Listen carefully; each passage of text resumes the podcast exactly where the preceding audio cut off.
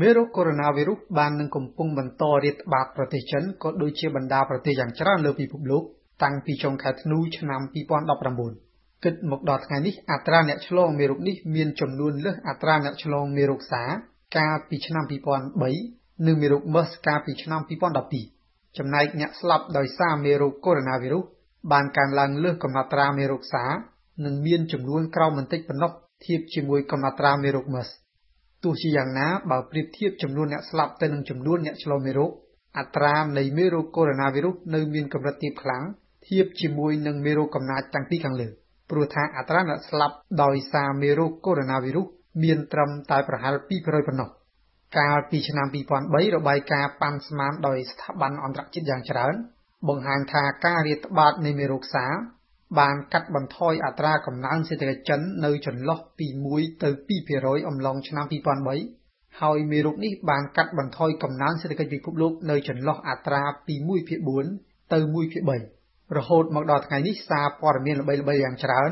បានចេញផ្សាយរបាយការណ៍របស់ខ្លួនអំពីតុល្យការនៃផលប៉ះពាល់របស់មេរោគកូវីដ -19 លើសេដ្ឋកិច្ចពិភពលោក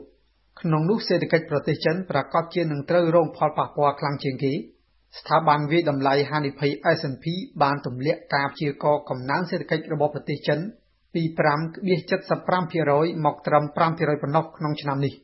ផ្អែកតាមសារព័ត៌មាន BBC ផលប៉ះពាល់កើនឡើងខ្លាំងមិនត្រឹមតែលើប្រទេសចិនប៉ុណ្ណោះនោះទេប៉ុន្តែលើភាគីពាក់ព័ន្ធបរទេសផងដែរក្នុងប្រទេសចិនផ្ទាល់ភោជនីយដ្ឋានរោងកុន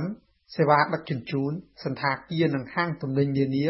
សុទ្ធតែត្រូវរងផលប៉ះពាល់ភ្លាមៗហើយដោយសារមេរោគនេះផ្ទុះឡើងអំឡុងបុណ្យចូលឆ្នាំចិននោះសកម្មភាពសេដ្ឋកិច្ចមួយផ្នែកធំក្នុងប្រទេសចិនបានរងផលប៉ះពាល់យ៉ាងដំណំក្រុមហ៊ុនបរទេសដែលមានប្រតិបត្តិការក្នុងប្រទេសចិនក៏ត្រូវរងផលប៉ះពាល់ទូយ៉ាងក្រុមហ៊ុនលក់គ្រឿងសង្ហារឹម IKEA ក្រុមហ៊ុនកាហ្វេ Starbucks និងក្រុមហ៊ុនរថយន្តកូរ៉េខាងត្បូង Hyundai ជាដើម ក្រុមហ៊ុនអាកាសចរបរទេសជាច្រើនបានបញ្ឈប់ជើងហោះហើររបស់ខ្លួនទៅកាន់ប្រទេសចិនហើយសន្តាគារអន្តរជាតិយ៉ាងច្រើនបាននឹងកំពុងផ្ដល់ប្រាក់សំណងទៅកាន់អតិថិជនរបស់ខ្លួនវិញការព្រួយបារម្ភកាន់តែមានខ្លាំងឡើងលើសង្វាក់ផ្គត់ផ្គង់អន្តរជាតិវិស័យឧស្សាហកម្មវិស័យអេឡិចត្រូនិកឧស្សាហកម្មទូរស័ព្ទចល័តនិងកុំព្យូទ័រដែលប្រទេសចិនជាអ្នកផ្គត់ផ្គង់ដ៏សំខាន់ ទីផ្សារហិរញ្ញវត្ថុនិងទីផ្សារភាគហ៊ុនក៏កំពុងរងការរង្គោះរង្គើខណៈប្រេងឆៅនិងស្ពាន់មានតម្លៃធ្លាក់ចុះយ៉ាងខ្លាំងហើយអ្នកផ្គត់ផ្គង់ទំនិញទាំងនោះភាគច្រើនជាបណ្ដាប្រទេសកំពុងអភិវឌ្ឍផ្អែកតាមទស្សនាវដ្តីថែមក្រុមហ៊ុននៅក្នុងបណ្ដាប្រទេសផ្សេងផ្សេងដែលពឹងផ្អែកលើសង្វាក់ផ្គត់ផ្គង់ចិនកំពុងប្រឈមមុខនឹងការធ្លាក់ចុះល្បឿនសេដ្ឋកិច្ចរួចទៅហើយ តួយ៉ាងជប៉ុនអូស្ត្រាលីនូវែលសេឡង់សិង្ហបុរីអ៊ីតាលីនិងសហរដ្ឋអាមេរិកបានដាក់កម្រិតលើការធ្វើដំណើរលើជនជាតិចិនបណ្ដាប្រទេសនៅអាស៊ីនឹងអាចមើលឃើញពីការធ្លាក់ចុះយ៉ាងខ្លាំងនៃចំនួនភ្ញៀវទេសចរចិន